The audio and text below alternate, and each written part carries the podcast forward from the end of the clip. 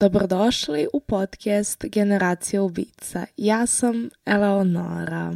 Od današnje epizode zvanično je dostupan, dostupna video verzija ovog podcasta. E, podcast možete gledati na YouTube-u kao i na Spotify-u, ali naravno audio verzija je dostupna na svim platformama na kojima slušate podcast, gde god sada trenutno slušate, da li to bilo u video formatu YouTube ili Spotify ili na e, Apple podcastu, Google podcastu, Deezeru, Spotify u audio verziji, Audible, Možete da nas nađete apsolutno svuda. Nemam neki specijalni setup ako gledate video verziji zato što znamo da sam svake nedelje u drugom gradu i bilo bi nemoguće imati kao jedan setup za e, sve podcaste, tako da e, je to to od setupa. Nadam se da je ok. Video verziju na YouTube možete pronaći na mom kanalu Eleonora Vojnovski e, pod playlistom Generacija ubica. Pa da počnemo sa današnjim slučajem. Pričat ću o slučaju koji sam urađivala na svom kanalu odavno. Um, radi se o e, ubicama poznatim pod nazivom Barbie i Ken.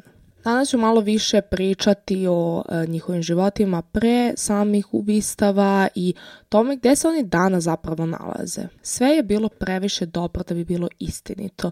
90. godine Karla je bila verana za zgodnog, sofisticiranog, profesionalnog računovođu sa novcem. Biće to neverovatno venčanje. Ona koju njena porodici i prijatelji nikada ne bi zaboravili. Delovalo je kao da je uspela da je pronašla savršenog muškarca. Mnogo je volela Pola, on je bio jedinstven. Učinila bi apsolutno sve da zadrži njegovu ljubav. Bilo šta. Ono što je ovu situaciju učinilo malo drugačijom od e, većine dogovara jeste što to što je Paul nekoliko godina postavljao neobičajne zahteve Karli i Karla je isto tako nečuveno pristajala na njih. Paul je bio veoma iznerviran uh, zato što kada su se oni Karlo poznali, Karla nije bila nevina. Prema tome, sa njegove tačke gledišta, bila je njena odgovornost da omogući Polu da uzme nevinost Karline prilično mlađe sestre Temi bez njenog znanja ili pristanka. Neki ljudi bi to zvali seksualno zlostavljanje i kada je Karla prihvatila ovaj predlog, ostalo bi bilo lako. Čak joj je ideja da snimi celu stvar imala smisla. Karla je u to vreme radila u veterinarskoj klinici, a, tako da je imala znanja o sedativima koji se koriste kako bi se omamile životinje. Trik je bio u tome da se smisli šta i koliko iskoristi da nokautira Tami, tako da bi Paul mogao da je zlostavlja. Na kraju se odlučila za holatan, anestetik koji životinje udišu pre operacije. Karla je stvarno razmišljala o ovome i razmišljala šta bi bilo šta bi bilo najbolji, najbolji sedativ koji može da iskoristi kako, mislim, ona nije želela da povradi ubi svoju sestru, već je samo želela da je nokutira i pokloni polu za Božić i znala da taj sedativ daju životinjama, kako bi ih uspavali radi operacije, tako da je pretpostavila da će to biti savršeno za ono zašto je njoj bilo potreban.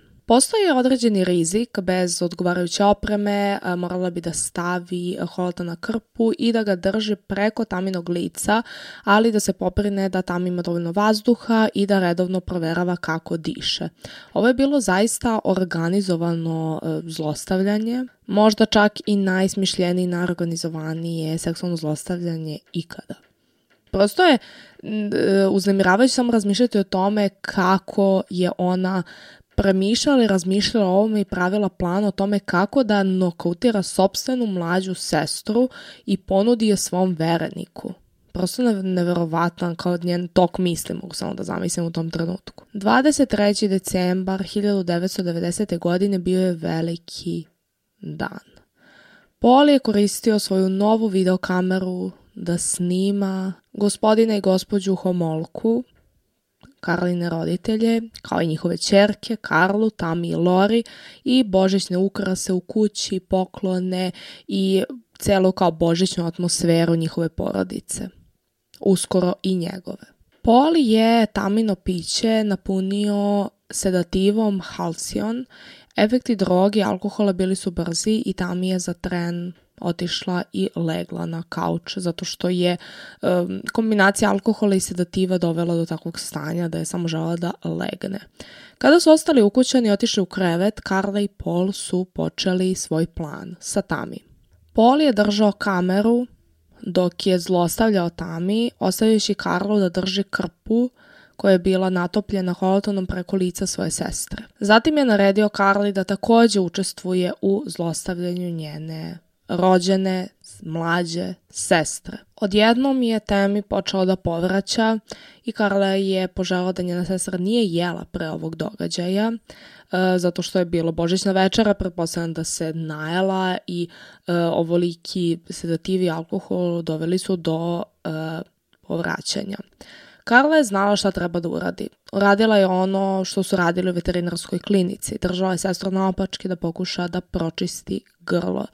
Jedini problem je bio to što se Temi već udavila. Njihovi amatarski pokušaj da je ožive nisu uspeli, pa su je obukli, sakrali drogu i kameru i pozvali hitnu pomoć. Kako su njihovi roditelji saznali za ovu tragediju jeste kada su čuli hitnu pomoć koja se približavala njihovoj kući. Svi su bili navođeni da veruju da je Tami umrla od slučajnog gušenja povraćanjem. Ono što je bilo loše kod ove cele situacije jeste to što je Polu bila potrebna zamena. Temi više nije bila dobra opcija, zato što je bila mrtva. Ko je bio Pol? Paul Bernardo rođen je u neobičnoj porodici. Njegovu majku Marilyn ranu u životu usvojili su dobrostojeći advokat iz uh, Toronta Gerald Eastman i njegova supruga Elizabeth. Marilyn je odrasla u srećnom otmenom detinstvu. Njen muž, Kenneth Bernardo, bio je sin italijanskog imigranta i žene engleskog porekla. Kennethov otac je napravio veoma uspešan život za sebe, upoznao sa mermerom i pločicama, ali je bio nasjelan prema svojoj ženi i deci. Kenneth nije ušao u porodični posao, već je umesto toga postao računovođa. Oni Marilyn su se venčali 1960. godine nakon što um, Njen otac nije odobrio njenog drugog vrača koji e, nije imao obrazovanje koje je Isme zahtevao od Zeta. Na kraju su se Kenneth i Marilyn nastanili u lepom kvartu srednje klase u oblasti e, Scarborough u Torontu. Brak nije prošao dobro i e, Kenneth je kao i njegov otac fizički zlostavljao svoju ženu. Nakon što je rodila sina i čerku, Marilyn je našla utočište u naročju svog prethodnog udvarača, čoveka bez obrazovanja koji je otac zahtevao za svoju čerku. Dakle, Paul Bernardo je nezakonito začet. Kenneth je bio veoma otvoren prema ovoj indiskreciji u avgustu 1964. Bebin izvod iz matične knjige rođenih mu je dao ime Paul Bernardo.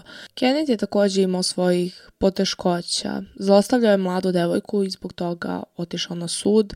E, noću je počeo da se mota po komšiluku, vireći u prozore mladih žena, ali što je najgore, počeo je da seksualno zlostavlja svoju rođenu čerku. Marilyn je sve više dobijala na težini, postala je grotesno gojazna, znaci teške depresije su bili veoma primetni, prestala je da brine o domu i deci i povukla se u svoj svet, u podrum kuće.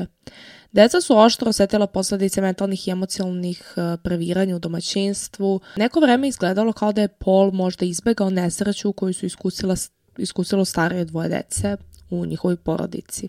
Paula su opisivali kao druželjubivog malog dečaka. Uvijek je bio srećan, dečak koji se mnogo smejao i bio je tako sladak sa svojim rupicama, dobrog izgleda i slatkim osmehom, pa su mnoge majke samo htjele da ga štipaju za obraze kad god bi ga videle. Bio je savršeno dete koji su svi želeli, učtiv, dobro vaspitan, dobro idu u školu, tako sladak u svojoj izviđačkoj uniformi. Kasnije, kada je odrastao, više se bavio izviđanjem, Radio je leti kao savetnik i bio je najpopularniji kod dece. Deca su ga voljeli, činilo se da uživaju sa njim. Obožavale su ga i tinejdžerke, imao je anđelski izgled i stiljivo prijatno držanje. Devojke koji su se zabavljale sa njim u srednjoj školi smatrali su ga pažljivim ljubavnikom. Pole je želeo da napravi nešto od sebe. Bio je inteligentan, naporno je radio u školi i obavljao niz odgovornih poslova posle škole. Imao je dobru glavu za brojke i zasluge za dobrog budućeg biznismena. Kada je Pole imao 16 godina, pozvađao se sa svojom majkom i ona mu je rekla da je kopile. Zatim mu je pokazala fotografiju njegovog pravog oca. Paul nije imao pojma da Kenneth nije njegov pravi otac, već uh, ljubavnik kojeg je njegova majka u to vreme imala.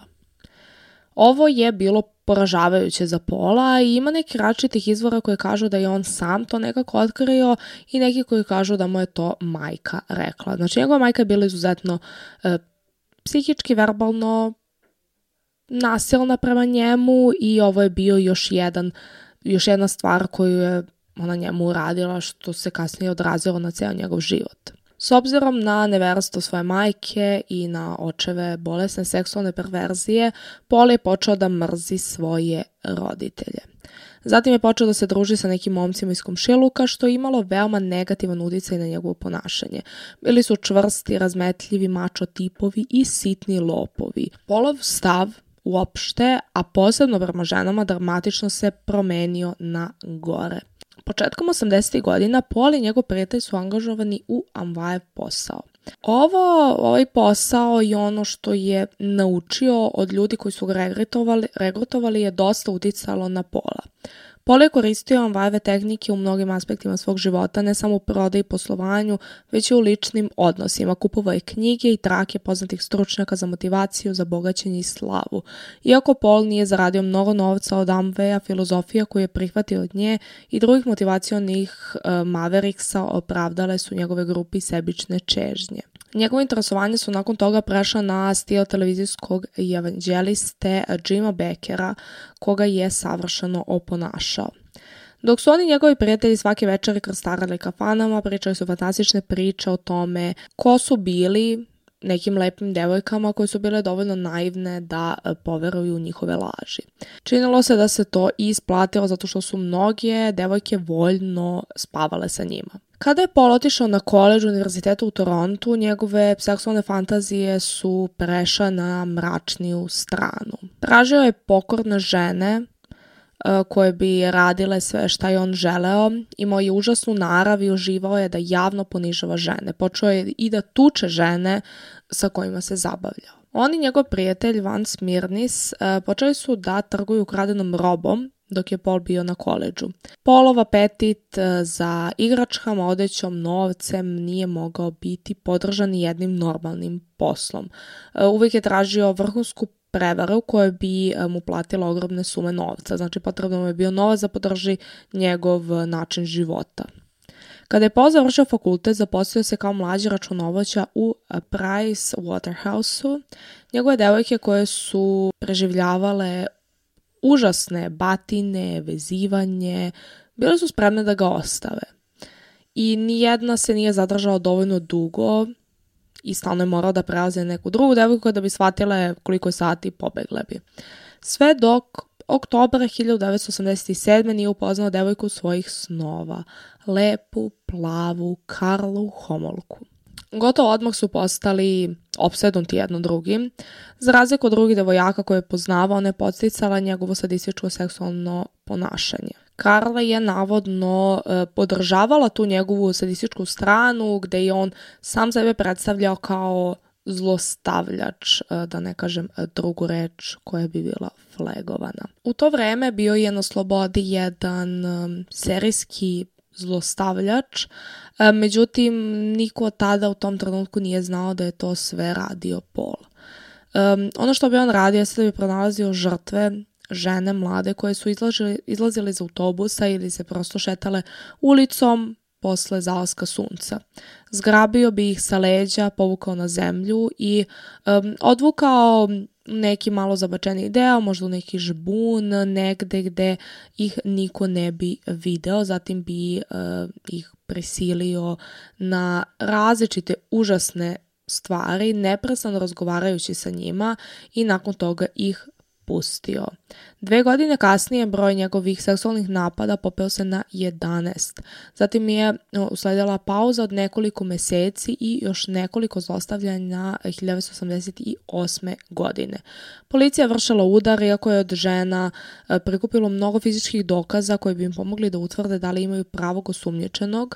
Takođe su imali, kako su smatrali, dobar e, kompozitni crtež čoveka koji je napao 13 žena, dok je policija odlučila da taj crtež podeli sa ostalim policajcima u regionu, on dugo nije bio pokazan javnosti.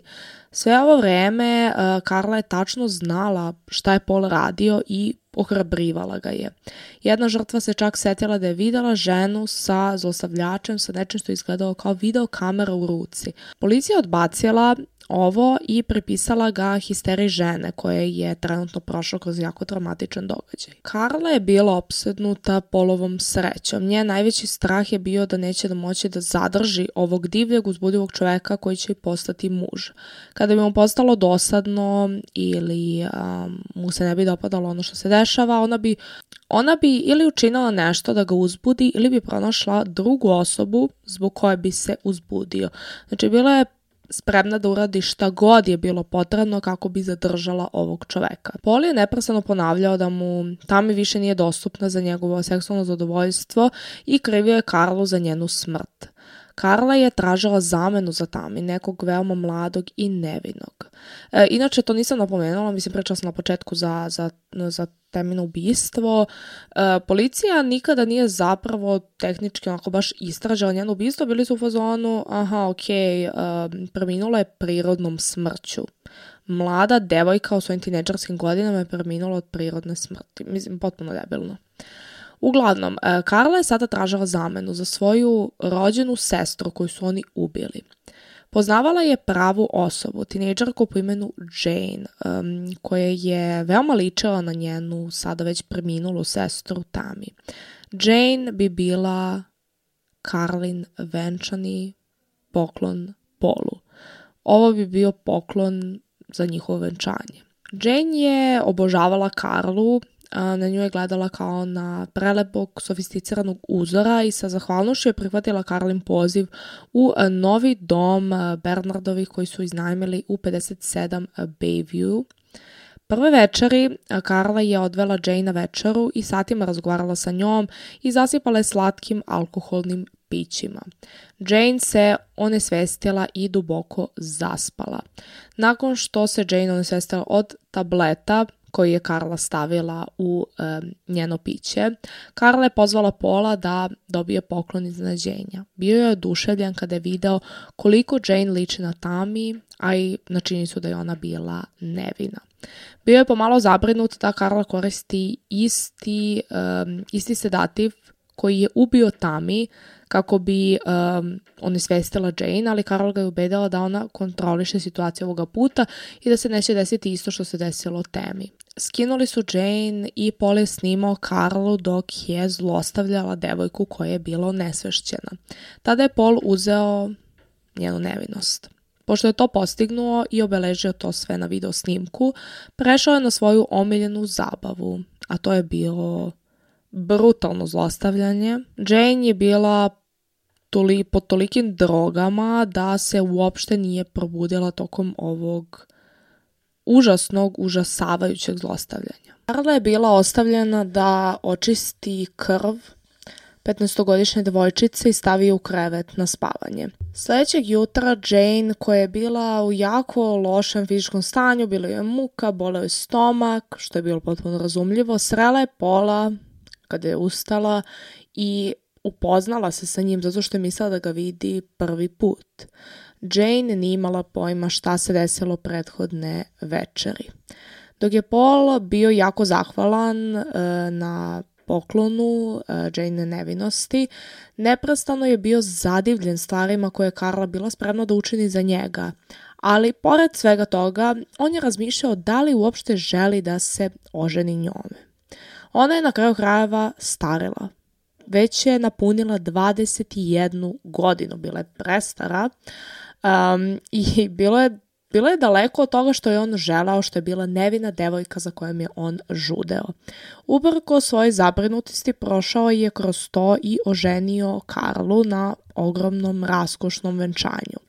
Njegovo venčanje trebalo da bude savršeno. Istorijska crkva u Nijagare na jezeru sa belim konjima i kočijom, šampanjac, večera za 150 gostiju e, u kralječinom pristaništu bez pošteđenih troškova. Paul je pažljivo kontrolisao svaki detalj venčanja od Karline venčanice vredne 2000 dolara preko njene frizure do jelovnika i uključivanja ljubav, čast i poslušnost u Karlin venčani zavet. Ne bi dozvolio ministru da ih proglasi muž i žena, morali su biti muškarac i žena. Ako bi to trebalo da bude veliko venčanje, onda bi se moglo očekivati da ljudi doniraju novac i poklone u slično velikom obimu. Pol je ceo proces posmatrao kao sjajnu poslovnu priliku. Ako potrožim 50 dolara na tanjir, očekujem da ću dobiti 100 dolara po osobi. To je rekao Pol. E, postavio je cilj da zaradi 50.000 dolara od venčanja. Leslie McAfee bila je jedna problematična mlada devojka. Činilo se da je njena snažna nezavisna ličnost u korenu problema koji se manifestovao u ignorisanju bliskog časa koji je tada bio tu zbog pola koji je napadao žene i generalno je bilo preporučeno ženama da ne izlaze nigde noću same i da uopšte nigde ne idu same zbog mogućnosti da može nešto da im se desi. Međutim, to baš Leslie to nije poštovala. Upuštala se u različite neke um, zabrinjavajuće situacije, nije išla u školu, čak je i krala po radnjama. Odgovor njenih roditelja jeste bio tako što su postali stroži prema Leslie kada bi prekršila pravila. U petak 14. juna 1991. godine Leslie je izašla na večer sa svojim prijateljima i ostala na polju mnogo nakon policijskog časa. U dva sata ujutru našla se na polju sa njenom kućom koja je bila zaključana. Nije mogla da uđe u kuću. Pozvala je svoju drugaricu da pita da li može da provede noć sa njom, ali devojka nije mislila da će njena majka to dozvoliti u tom času. Lezija reka svojoj drugarici da se vraća kući da probudi roditelje. Njeni prijatelji porodica je nikada više nisu videli živu. Leslie se zapravo vratila svoje kući da vidi da li postoji način da uđe, a da ne probudi roditelje. Sa najgorom mogućom srećom naišla je na pola Bernarda koji je ludao po komšiluku tražeći registarske tablice za krađu. Pol je počeo da povećava svoj prihod krimčaranja cigareta preko granice i trebale su mu ukradene registarske tablice da bi prikrio svoje česte posete preko američko-kanadske granice. Izvukao je nož na Leslie i natara da uđe u njegov auto. Poli je odneo svoj ulov kući. Dok je Karla spavala, počeo je da snima golu 14-godišnju Leslie koja je imala povez preko očiju. Kada se Karla probudila, bila je veoma ljuta, zato što je Paul iskoristio njihove najbolje čaše za šampanje za zabavi svoju novu igračku. Konačno, Karla je došla i počela da bude poslušna žena koju je Paul zahtevao. Paul je Carly dao detaljno uputstvo o tome šta da radi sa Leslie. Bio je to glas reditelju u važnom filmu. Svaki trenutak je morao biti savršen za video koji je snimao. Posle uvoda sa Carlom, Paul je ušao u grube stvari dok je njegova žena držala kameru. Leslie je vrištala od bola za vreme ovog napada. Uveče 29. juna 1991. muškarac i njegova žena vozili su se uh, kanuom na jezeru Gibson kada su naišli na betonski blok sa komadićima životinskog mesa u njemu. Kasnije se vratio na lice mesta i uz pomoć ribara izvukao betonski blok i pažljivo ga pogledao. Unutar bloka bilo je telo mlade žene. Ubrzo je mesto zaživelo policijom koji su pronašli ukupno pet betonskih blokova koji su tu bačeni u plitku vodu. Policija je iznala teoriju da je onaj koji je bacio ovo telo u jezero Gibson nije bio upoznan sa tim područjem ili bi bacio betonske blokove preko mosta gde je voda dovoljno duboka kako ova tela ne bi bila nikada otkrivena. Nedugo zatim u vodi je pronađen torzo mlade žene. Delove tela koji su pronađeni u betonskim blokovima bili su odsečeni sa njenog torza električnom testerom. Ubrzo je ovo telo identifikovano kao Leslie.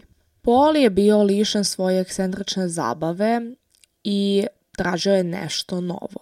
Karla, koja je uvek bila poslušna žena, pozvala je Jane nazad u službu, ali Jane je bila daleko od idealne seksualne robinje. Pre svega, devojka ih je oboje uznemirila time što je odbila dozvolu Polu polu da ima odnos sa njom, bila je pod utiskom da je još uvek nevina i nije imala pojma šta se sve zapravo njoj desilo. Jenina majka zapravo saznala za ovaj predlog koji su oni ponudili Jenny i rezultat je bio da su Paul i Carla imali manje prilika da provode vreme sa Jane. Jedna noć stvari su ponovo izmakle kontroli sa holatonom i Jane je na neko vreme prestala da diše. Ovo je uplašilo Paula i Karlu i posjetilo ih na situaciju sa Temi. I ne samo to, Pol je postao iznerviran zbog svoje nove žene. Doveo je u pitanje njene sposobnosti sa Halotanom, Karla je bila izbezumljena, morala da učini nešto da vrati neku novu romansu u njihovu vezu. 30. novembra 1991. nestala je lepa i živahna 14-godišnja Terry Anderson. Neko vreme e, bila jedna devojka koja je bila voljna da zadovoljava njihove potrebe, ali se na kraju vratila u e, Youngstown, Ohio i e, Bernardovi su ponovo ostali bez zabave.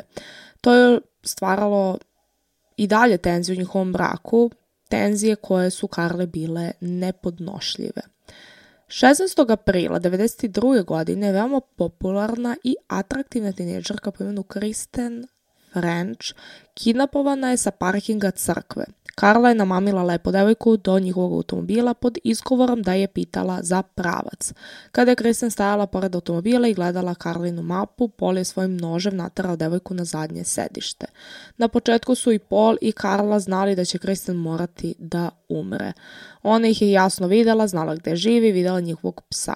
Uprkos tome nisu želi da Kristjanova shvati, pogotovo zato što je bila veća od Karle i prilično jaka uprko svojoj mladosti. Kristjan koja je bila pametna devojka učinila sve što je mogla da sarađuje sa ovim izopačenim parom i njihovim nečuvenim i ponižavajućim zahtevima. Verovala je da je saradnja e, njena jedina šansa za opstanak. Iskušenje je postalo sve gore i gore što je više sarađivala, pole je postojao sadistički. Kristen se stvarno trudila da ignoriše i pristaje na sve u nadi da će uspeti da pomogne. Nedostojnosti su trajale dan, dva, a sve su pedantno snimljene na njegovoj video, videokameri za buduće uživanje mladenaca. Zatim je usledila i najgora sramota za Kristen French – ali njena smrt nije snimljena na film. Um, Resenino telo je pronađeno 30. aprila 1992. godine u Jarku. Njeno telo nije bilo raskomadano kao Lezlino, što je navelo istražitelje da pogrešno zaključe da ubistvo ove dve tinečarske nisu povezana. 23. maja 1992. godine telo Terry Anderson, koja je nestala prošlog novembra, pronađeno je u vodi u Port Delosiju.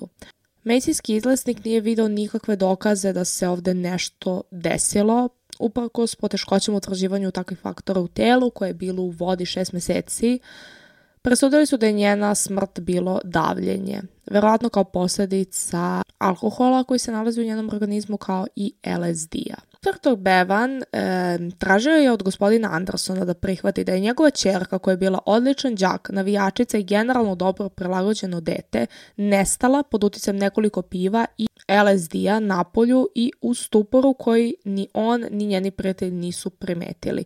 Ušetala je u ledenu novembrsku vodu jezera Ontario i udavila se. Policija je prvi put saznala za Pola Bernardina u njegovoj inkarnaciji kao zlost, tog poznatog zlostavljača koji je napadao žene na ulici. Detektiv policajac Steve Irwin iz uh, policije Toronta bio je duboko umešan u taj konkretni slučaj serijskog zlostavljača. Uh, bilo je mnogo sličnosti u pričama koje su žrtve ispričale, policija je bila sigurna da se radi o jednom čoveku. Kako ističe Steven Williams, serijski zlostavljači su prilično redka stvorenja. Oni uvek glume neku čudnu privatnu fantaziju, tako da su detalji njihovih zločina prepoznatljivi. U ranim napadima žene su upravo napustile autobuske stanice, Došao bi im sa leđa, bio je grub, ali ih nije zlostavljao. On ih je samo dodirivao, prstima opipavao ih opis otranog mladića koji imao dobre zube i nije smrdeo. Zlostavljač je pričao sve vreme dok je napadao svoje žrtve, on je želeo da čuje određene specifične stvari. Svi napadi su se desili u kratkom radijusu u uh, jednom delu Toronta. Neposredno pre Božića 87. jedna od njegovih žrtava dala je vrlo specifičan opis svog zlostavljača. Bio je dobrog izgleda, visok, obrijan i nije imao nikakve tetovaže. Njen opis i kompozitna skica koja je pomogla da se razvije rezultirali su tipičnom sličnošću Pola Bernarda, ali policija nije objavila fotografiju. Jedna od polovih starih devojaka, Jennifer Galiga, nekoliko puta otešla u policiju zbog e, njegovog brutalnog zlostavljanja, e, fizičkog, psihičkog i e, seksualnog pretnje da će joj naneti telesne povrede. bila je koincidencija koju je ehm, Pola povezala sa zlostavljanjem koje se dešavalo isto vreme. Zlostavljač je vozio beli Capri, kao i Pol, Pol je u blizini mesta gde su se dešavali ovi napadi, podneta je prijava, ali to je bilo sve. Konačno u maju 1990. godinama nakon što su počela ova zlostavljanja, policija je odlučila da konačno objavi kompozitnu skicu za koju su se žrtve složile kao da to da tako izgleda e, napadač. Ta slika plus nagrada od 150.000 dolara pokrenula je poplavu napojnica. U to vreme Pol dao otkaz u e, Price Waterhouse u potpunosti je živao svog e, prihoda šverca cigareta, ali kada su njegove bivše kolege u e, firmi videle slike u novinama, začudali su se koliko liči na pola. Zaposlenik polove banke kontaktirao je policiju i prijavio da ova slika izgleda kao Paul Bernard. Međutim, u ovom trenutku policija je bila preplavljena sličnim pozivima i nije imala e, prosto toliko ljudi da može da sve ove e, prijave proprati. Detektiv eh, Steve Irwin je centralizovao sve fizičke dokaze prikupljene od žrtava zlostavljanja pod jednom osobom, Kim Johnson, u forenzičkoj laboratoriji. Iz eh, uzoraka sperme moglo da se utvrti da je zlostavljač bio nesekretor da faktora krvne grupe, što ga je svrstalo u 12,8 10% muške populacije. Na kraju nekoliko polovih poznanika kontaktiralo policiju u vezi sa njim i Irvin je posetio Pola Bernarda. Irvin nije smatrao Pola vrstom ličnosti koja bi mogla biti serijski zlostavljač, ali je svejedno uzeo uzora krvi, pljuvačke i kose. Uzorci su zajedno sa 230 uzoraka drugih osumnjičena predati Kimu Johnsonu. Samo 5 od 230 uzoraka odgovaralo je krvnim faktorima napadača. Paul Bernardino je bio jedan od tih pet. Njegov uzorak je ponovo dostavljen na dodatno testiranje u aprilu 92. Do tada je zlostavljač e, misteriozno okončao svoje napade i slučaj nije imao hitnosti i prioritete kao dve godine ranije kada su napadi bili u toku. I ti svi uzorci su prosto otišli u zadnje detaljni plani nisu pregledani neko vreme. Sada kada su Poli i Karlo živeli u, uh, živeli u ubijali u oblasti Svete Katarine, policijska istraga je bila usređena na oblast njegarenih vodopada. Nadzornik e, Vince Bevan je bio zadužen kada je pronađeno telo Lez, uh, Leslie McAfee. Nakon smrti Kristen Finch, uh, e, vlada Ontarija je formirala radnu grupu uh, koja će istraživati ove slučajeve. Takođe se uh, umešao i uh, e, FBI kako bi savjetovao ovu radnu grupu. Kasnije kada je Kristen French oteta, e, jedna žena setala da je videla borbu koja se odvijala u automobilu na mestu događaja. Iako nije bila upoznata sa markom automobila, mislila je da je to Camaro, Vince Bevan se fokusirao na praćenje vlasništva nad svim Camarima u regionu. Umeđu vremenu, polovo ime se ponovo pojavilo u jednom, jednog od mnogih tragova koje je policija dobila. Dva policajca su pozvala Pola u e, njegovoj kući Pol je bio veoma ljubazan, tokom intervjua priznao da je bio sumnjičen za zlostavljanje zbog sličnosti njegovog izgleda sa kompozitnom skicom. Policija istakla da je Paul veoma, bio veoma čist, dobrog izgleda, da je bio inteligentan, kooperativan i da je njegov dom bio čist i uredan. Također su primetili da je vodio Nissan koji nimalo nije ličio na Kamara. Ipak dvojica policajca pokušali su da kontaktiraju detektiva Steve Irvina u Torontu da pitaju rezultatima istrage o e, tom zlostavljaču. Osam dana kasnije Irvin je odgovorio na poruku i objasnio da nije urađeno konačno testiranje e, polove E, krvi i pljuvačke. Dakle, tehnički e, John Bernardo nije bio oslobođen kao sumnjičeni. Irvin je poslao radnoj grupi neke informacije, ali je propustio da pošalje rezultate intervjua sa Polovim prijateljem koji su dojavili policiju o njemu. Izveštaj žene da je Pol proganja i policijski izveštaj koji je podnala njegova bivša devojka Jennifer Galligan. Shodno tome, um, Paul nije gonjen kao osumnjičeni. Neverovatno u februaru 1993. godine, nekoliko godina nakon što su uzeti uzorci krvi od Pola, forenzička laboratorija u Torontu konačno je uspela da analizira njegovu krv. Testovi su ubedljivo dokazali da je John Bernardo zlostavljao tri žene žrtve koji su imali uzorke sperme. Da je laboratorija bila brža, Paul bi bio u zatvoru umesto što je um, zlostavljao je žena i ubio nekoliko mladih devojaka. Uprkos ovoj ironiji, detektiv Irvin je uzbuđeno stavio Johna pod nadzor. Ono što je saznao jeste da je John upravo optužen za napad u Svetoj Katarini, optužen za napad e, koji je podnela njegova supruga Karla. Kada je Paul počeo da koristi Karol kao vreću za udaranje u leto 92. godine, zaista je ugrozio svoju budućnost. Bez obzira na ludosti koje je Karla trpela od strane Pola, fizičko zlostavljanje je gurnulo do krajnje granice. Ali čak i sa dva crna oka i ozbiljnim modricama nije ga napustila. Početkom januara 93. njeni roditelji su intervenisali i ubedili Karlu da se skloni u kuću jedne od prijateljica sestre Lori, čiji je muž bio policajac iz Toronta. Njegarska policija je dovedena u situaciju i odveza Karlu u bolnicu. Sve ovo je bilo pre nego što je policija u Toronto imala forenzičke dokaze da osudi Pola e, kao zlostavljača. Početkom februara, kada je policijska istraga o Polu intenzivirana i policija u Toronto i operativna grupa e, Ontare žele su da intervjuišu Karlu. su žele da ju uzmu otiske prsti i uspitaju je o e, satu Mickey Mouse-a koji je bio veoma sličan satu Christine French koji je pronađen.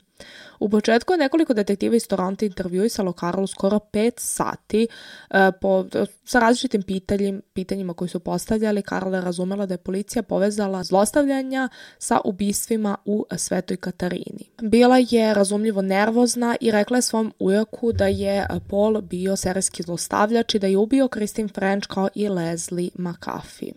Eh, Karla je sebi našla stvarno dobrog advokata. Eh, dok je radila kao veterinarski asistent, Karla je vodila posebnu brigu o e, psu advokata Georgea Walkera. Tokom perioda mnogih intervjua sa Karlom, e, George Walker je shvatio da ona nije nužno nevina žrtva Pola Bernarda, kakvog kako je ona sebe naslikala. Ipak u tom trenutku nije baš razumeo koja je tačna njena uloga u ovim zločinima, neka vrsta imuniteta bi bila poželjna za njegovu klijenticu, ali on zaista nije bio siguran šta bi se moglo pregovarati u njeno ime u zamenu za potpunu saradnju.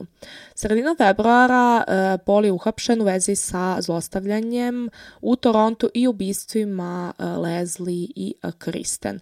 Karla je bila šokirana, uplašena, svoju znemirnost ublažila je velikom količinom lekova protiv bolova kao i alkohola. Policija je 19. februara izvršila nalog za pretres e, Polove Karline Karoline kući i pronašla neverovatnu količinu dokaza. Pole je imao pisani opis e, svakog zlostavljanja koji je ikada odradio, kao i obilnu biblioteku knjiga i video zapisa o seksualnoj devijaciji, kornografiji i e, serijskim ubicama.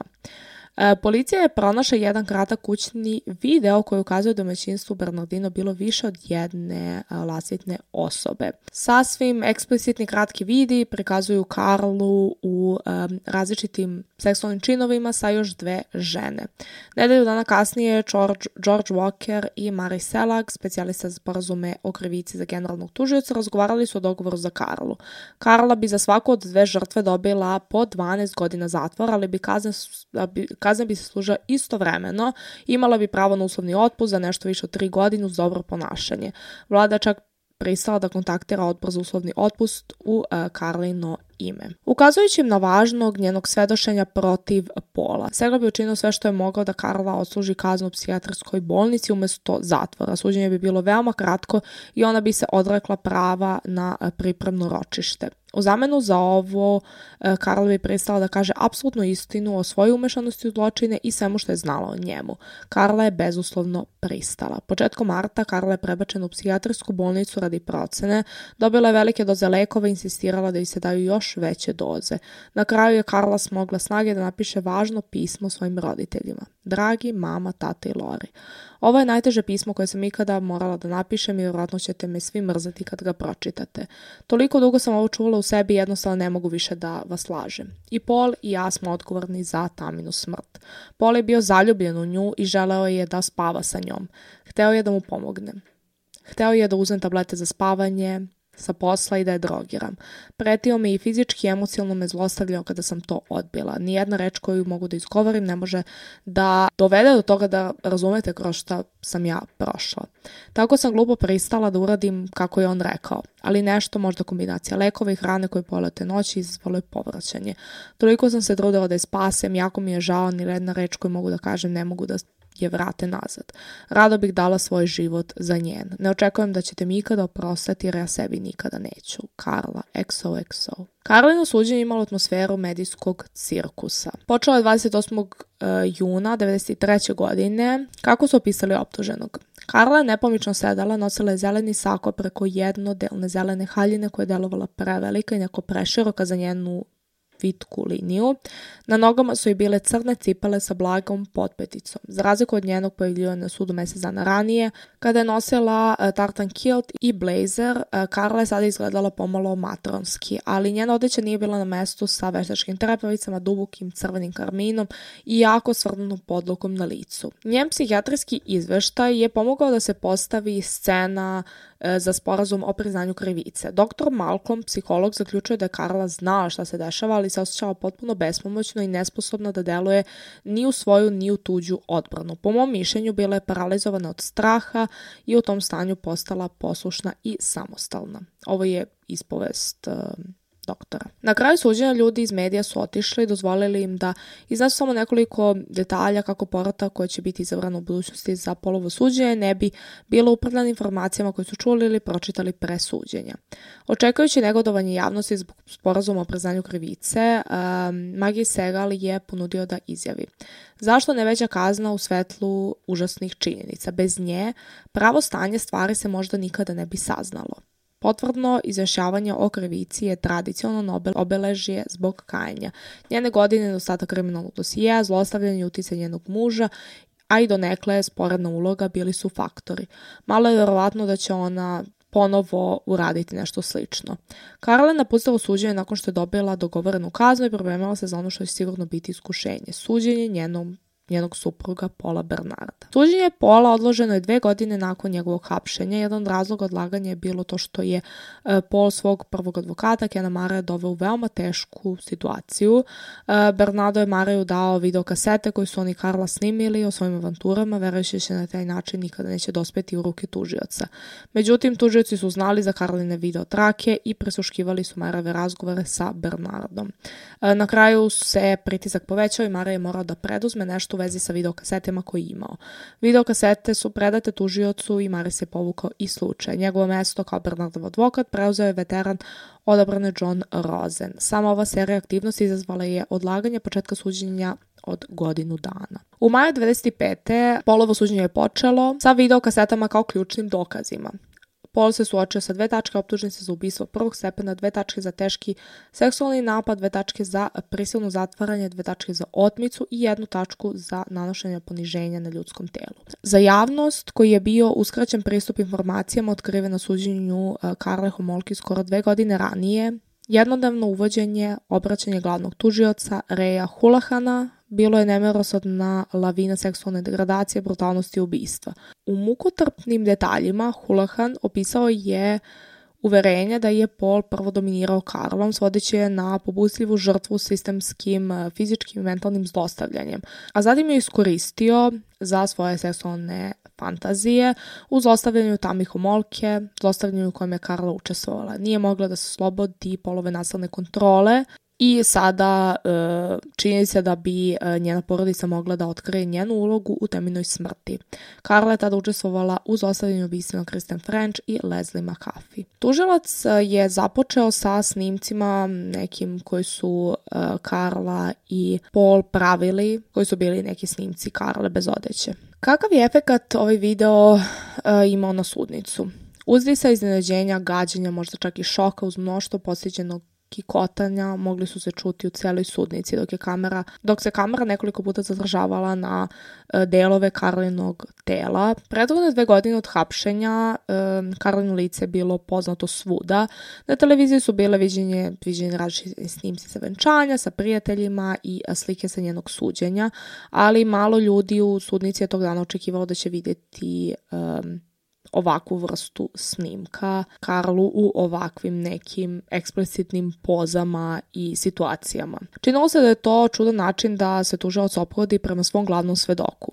Međutim, Haluhan je objasnio da je dijalog u videosnimcima napisao Bernardo i da je dobar primer kako je on nametnuo svoju volju Karli. Snimak je bio usmeren na to kao na dijalog koji je e, John vodio o svojim nekim seksualnim fantazijama i e, Karla, Karla je kao igrala ulogu u toj njegovoj fantaziji. Kako je prikazano um, više ovih videa sa uh, Leslie, Kristen i Jane, porota je dobila uh, neosporne i moćne dokaze o seksualnoj izopačenosti Pola Bernarda. Kao da to nije bilo dovoljno, Karla je bila pozvana na tribinu da elaborira ono što su porotnici upravo videli i čuli. Ono što je ona opisala o svom odnosu sa Polom bilo je eskalirajuća tema seksualne degradacije, slično onoj koju je Pol započeo sa drugim devojkama pre nego što je upoznao Karlu.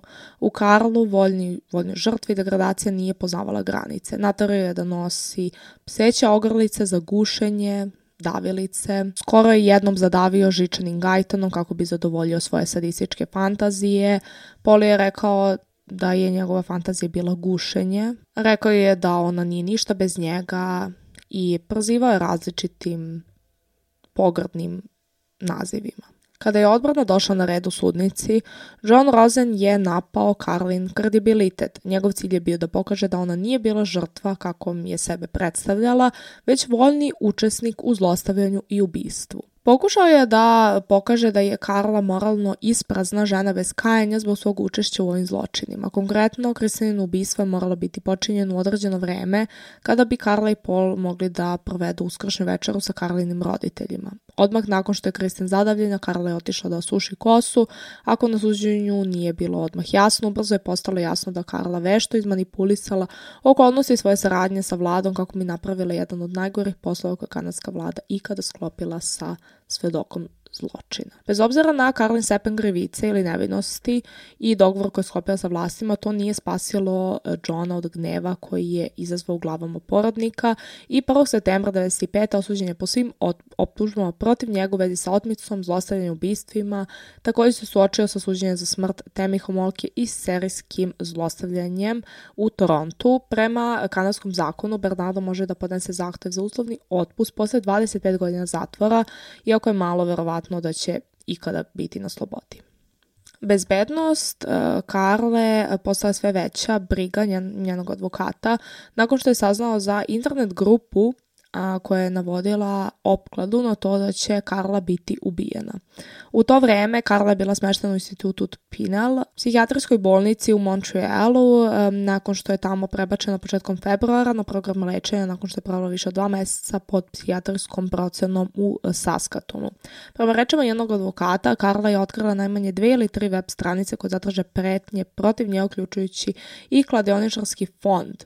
Jedan sajt se zove um, Karla Homo Molka Dead Pol, e, kada se igra završi svi mi pobeđujemo. Iako je sajt jasno navodi da ne odobrava nasilje nad Karlom, on traži opklade na tačan dan kada će ona umrati. Najjače opklade bile su za jun i jul 2001. godine. Pravila navode da igrači ne smeju da poprave e, opkladu tako što će sami ubiti ili da neko drugi to uradi. Pretnje su stigle u trenutku kada su e, to preporučala dva od tri psihijatra. E, Karla je i dalje previše opasna da bi bila puštena, što prisiljava službenike zavoda da daju preporuke nacionalnom odboru za uslovni otpust da je satraži u zatvoru do isteka njene kazne. Karla je 8. marta 2001. godine zvanično odbijena za privremeno zakonsko puštenje na slobodu. Nacionalni odbor za uslovni otpust objavio je svoju odluku nakon pregleda slučaja, naloživši da Karla ostane u pritvoru nakon datuma puštenja na slobodu u julu. Odbor se uverio da ćete ako budete pušteni vjerojatno počiniti krivično delo koje izaziva smrt ili ozbiljnu povredu druge osobe pre isteka kazne koju sada izdržavate. Ta se dešava sa njima danas. Uprkos protestima porodice žrtava i šire kanadske javnosti, e, Karla Homolka je puštena iz zatvora 2005. godine nakon što je služila 12 godina u pritvoru. Sa 35 godina nakon puštenja na slobodu, Karla nije uspela da zadrži svoju privatnost nakon puštanja. Sudio u Quebecu presudio medijima da neće biti zabranjeno da izveštavaju njenom doživotnom zatvoru, jer se smatrao da je ona i dalje rizična za javnost. Ovo je rekao nakon što je puštena. Ne želim da ljudi misle da sam opasna i da ću učiniti nešto njihovoj deci. Mislim na ono što sam uradila i mislim da ne zaslužujem da budem srećna nakon toga. Iz članka iz 2017. godine navodno je e, Karla promenila svoje ime u Lien Tail i živi u e, šatoru u Kvebeku. Njeno ime je ponovo dospelo na naslovne strane otprilike u to vreme kada se ispostavilo da je volontirala u školi u kojoj idu njena deca. Ona zapravo ima troje dece, dvojčicu i dva dečaka, udala se za brata svog advokata Tjerija Bordela. To je ono što znamo o Karli, ima decu i živi negde u Kanadi danas. živa je i da, to je, to je sve što znamo, nemamo puno informacije o njoj, iako sam videla da ona kao legalno ne, ne može da promeni svoje ime negde, negde sam to videla, ali ne znam. Ne znam da li se vodi pod njenim pravim imenom šta se dešava sa polom. Znači, 25. on je osuđen za ubistvo Christine French i Leslie Mahaffey, takođe osuđen za ubistvo iz nekata u smrti temi homolke, kao i za optužbe u vezi sa teškim seksualnim napadom, otmicom i još mnogo toga. Trenutno služi doživotnu kaznu u zatvoru u Kanadi, da je veći deo svoje kazne proveo u samici. 2021. pokušao je po drugi put da zatraži uh, uslovnu slobodu, bezuspešno. Um, sada je već u svojim ono, 60 40. godinama stekao je pravo na uslovni otpust. Sada je u svojim 60. godinama proglašen je opasnim prestupnikom i pretpostavlja se da će ostatak svog života provesti u zatvoru. Mislim da su jako male šanse da će ga pustiti da ikada izađe na slobodu. I da, to je to što se tiče današnjeg podcasta i današnje priče. Ova je jako jako zamiravajuća priča i nevjerovatno šta se dešavalo i nevjerovatno da je Karla dobila toliko malu kaznu, iako verujem da ona jeste bila e, psihički zlostavljena i da je e, Pol imao jako veliki uticaj na to šta ona radi, kako se ponaša, bez obzira na sve to, znači da, da, da računamo sve to, mislim da je zaslužila da dobije mnogo veću kaznu, jer od svih tih snimaka vidimo da je ona jeste učestvovala u zlostavljanju prvenstveno svoje sestre. Svoje sestre, ja, ja prosto to ne, ne mogu uopšte da protumačim, ne mogu uopšte da shvatim gde se nalazi njen mozak, kako uopšte odlučila tako nešto da uradi. I jedini put kada je rešila da mora da pobegne od te situacije jeste kada je ona doživjela fizičko nasilje, a kada su to doživljavale druge žene, devojke, to jest žene, to su bila deca, onda je to bilo okej. Okay ne znam stvarno šta bih rekla, mislim da je definitivno zaslužila veću kaznu, ali s obzirom na to da je ona pokazala neku vrstu kajanja, nekako se nadam da to, da neće nauditi nikome više i da će, ne znam, kroz svoj život nekako platiti za, za to što je uradila da će karma učiniti svoje. Uglavnom, to je otprilike to što se tiče današnjeg podcasta. Nadam se uh, da ste uživali. Hvala vam puno zato što ste slušali i gledali ovaj podcast.